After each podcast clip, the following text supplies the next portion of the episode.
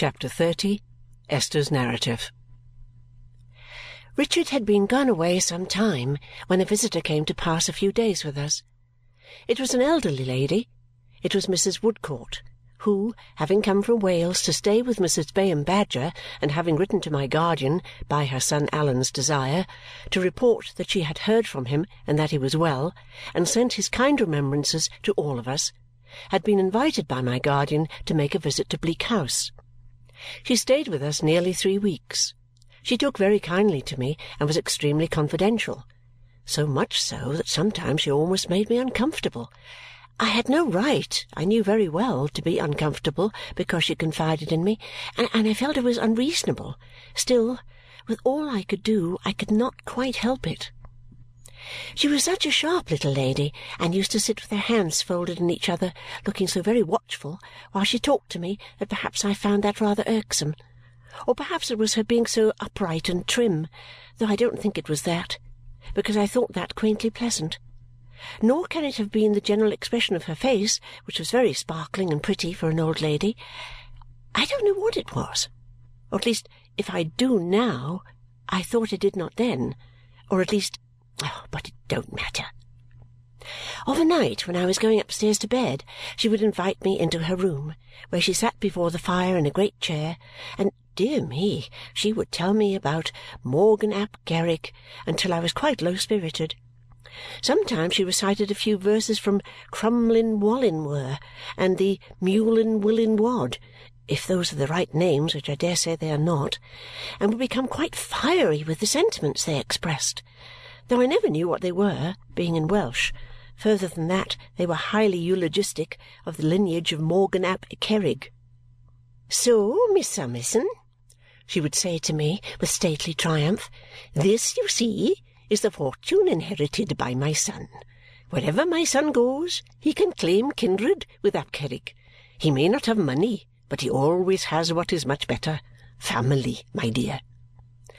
I had my doubts of their caring so very much for Morgan ap Kerrig in India and China, but of course I never expressed them.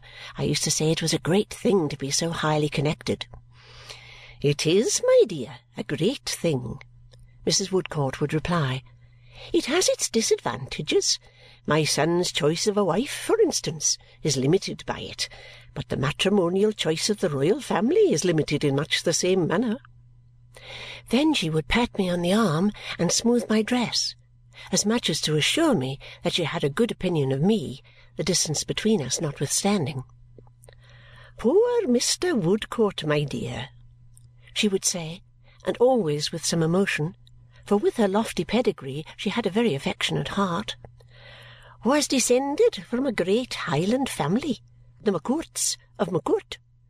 He served his king and country as an officer in the Royal Highlanders, and he died on the field. My son is one of the last representatives of two old families.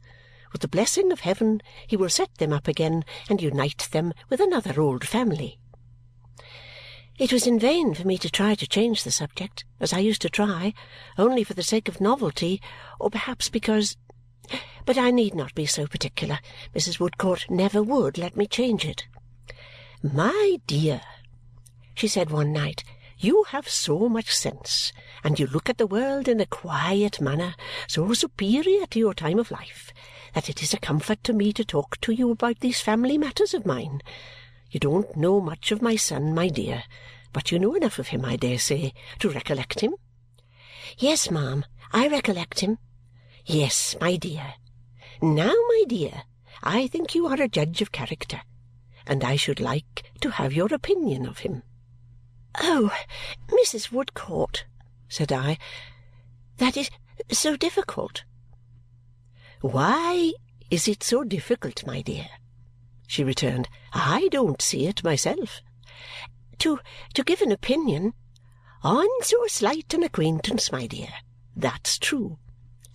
I didn't mean that, because Mr. Woodcourt had been at our house a good deal altogether and had become quite intimate with my guardian.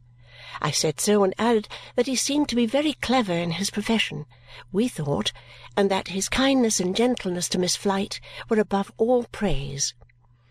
"You do him justice," said Mrs. Woodcourt, pressing my hand. "You define him exactly. Allan is a dear fellow, and his profession faultless. I say it, though I am his mother. Still, I must confess, he is not without faults, love." "None of us are," said I. "Ah! But his really are faults that he might correct, and ought to correct," returned the sharp old lady, sharply shaking her head. "I am so much attached to you that I may confide in you, my dear, as a third party, wholly disinterested, that he is fickleness itself." I said I should have thought it hardly possible that he could have been otherwise than constant to his profession and zealous in the pursuit of it, judging from the reputation he had earned. "You are right again, my dear," the old lady retorted. "But I don't refer to his profession, look you." "Oh!" said I. "No," said she. "I refer, my dear, to his social conduct. He is always paying trivial attentions to young ladies and always has been, ever since he was eighteen. Now, my dear, he has never really cared for any of them and has never meant in doing this to do any harm or to express anything but politeness and good nature. Still, it's not right, you know, is it?" "No," said I, as she seemed to wait for me. "And it might lead to mistaken notions, you see, my dear." I supposed it might. "Therefore I have told him many times that he really should be more careful, both in justice to himself and in justice to others, and he has always said, 'Mother, I will be, but you know me better than anybody else does, and you know I mean no harm in short, mean nothing.'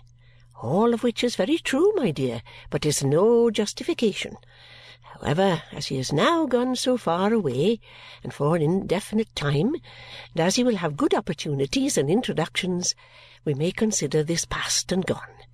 And you, my dear," said the old lady, who was now all nods and smiles, "regarding your dear self, my love." "Me, Mrs. Woodcourt?" Not to be always selfish talking of my son, who has gone to seek his fortune and to find a wife. When do you mean to seek your fortune and to find a husband, Miss Summerson? Hey, look you! Now you blush!" I don't think I did blush. At all events, it was not important if I did, and I said my present fortune perfectly contented me, and I had no wish to change it. "Shall I tell you what I always think of you and the fortune yet to come for you, my love?" said Mrs. Woodcourt. "If you believe you are a good prophet," said I. Why, then, it is that you will marry some one very rich and very worthy, much older, five and twenty years perhaps, than yourself, and you will be an excellent wife and much beloved and very happy." "That is a good fortune," said I, "but why is it to be mine?" "My dear," she returned, "there's suitability in it. You are so busy, and so neat, and so peculiarly situated altogether that there's suitability in it, and it will come to pass. And nobody, my love, will congratulate you more sincerely on such a marriage than I shall." It was curious that this should make me uncomfortable, but I think it did. I know it did. It made me for some part of that night uncomfortable. I was so ashamed of my folly that I did not like to confess it even to Ada, and that made me more uncomfortable still. I would have given anything not to have been so much in the bright old lady's confidence if I could have possibly declined it. It gave me the most inconsistent opinions of her. At one time I thought she was a story teller, and at another time that she was the pink of truth. Now I suspected that she was very cunning. Next moment I believed her honest Welsh heart to be perfectly innocent and simple. And after all, what did it matter to me, and why did it matter to me? Why could not I, going up to bed with my basket of keys, stop to sit down by her fire and accommodate myself a little while to her, at least as well as to anybody else, and not trouble myself about the harmless things she said to me? Impelled towards her, as I certainly was, for I was very anxious that she should like me and was very glad indeed that she did, why should I harp afterwards, with actual distress and pain, on every word she said, and weigh it over and over again in twenty scales. Why was it so worrying to me to have her in our house and confidential to me every night, when I yet felt that it was better and safer somehow that she should be there than anywhere else? These were perplexities and contradictions that I could not account for. At least if I could, but I shall come to all that by and by, and it is mere idleness to go on about it now. So when Mrs. Woodcourt went away, I was sorry to lose her, but was relieved too and then Caddy Jellyby came down, and Caddy brought such a packet of domestic news that it gave us abundant occupation. First Caddy declared, and would at first declare nothing else, that I was the best adviser that ever was known. This, my pet said, was no news at all, and this, I said, of course, was nonsense. Then Caddy told us that she was going to be married in a month, and that if Ada and I would be her bridesmaids, she was the happiest girl in the world. To be sure, this was news indeed, and I thought we never should have done talking about it.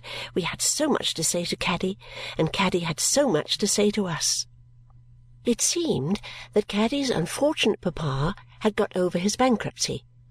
Gone through the Gazette was the expression Caddy used, as if it were a tunnel with the general clemency and commiseration of his creditors and had got rid of his affairs in some blessed manner without succeeding in understanding them and had given up everything he possessed, which was not worth much, I should think, to judge from the state of the furniture, and had satisfied every one concerned that he could do no more, poor man. So he had been honourably dismissed to the office to begin the world again. What he did at the office I never knew. Caddy said he was a custom house and general agent and the only thing I ever understood about that business was that when he wanted money more than usual, he went to the docks to look for it, and hardly ever found it.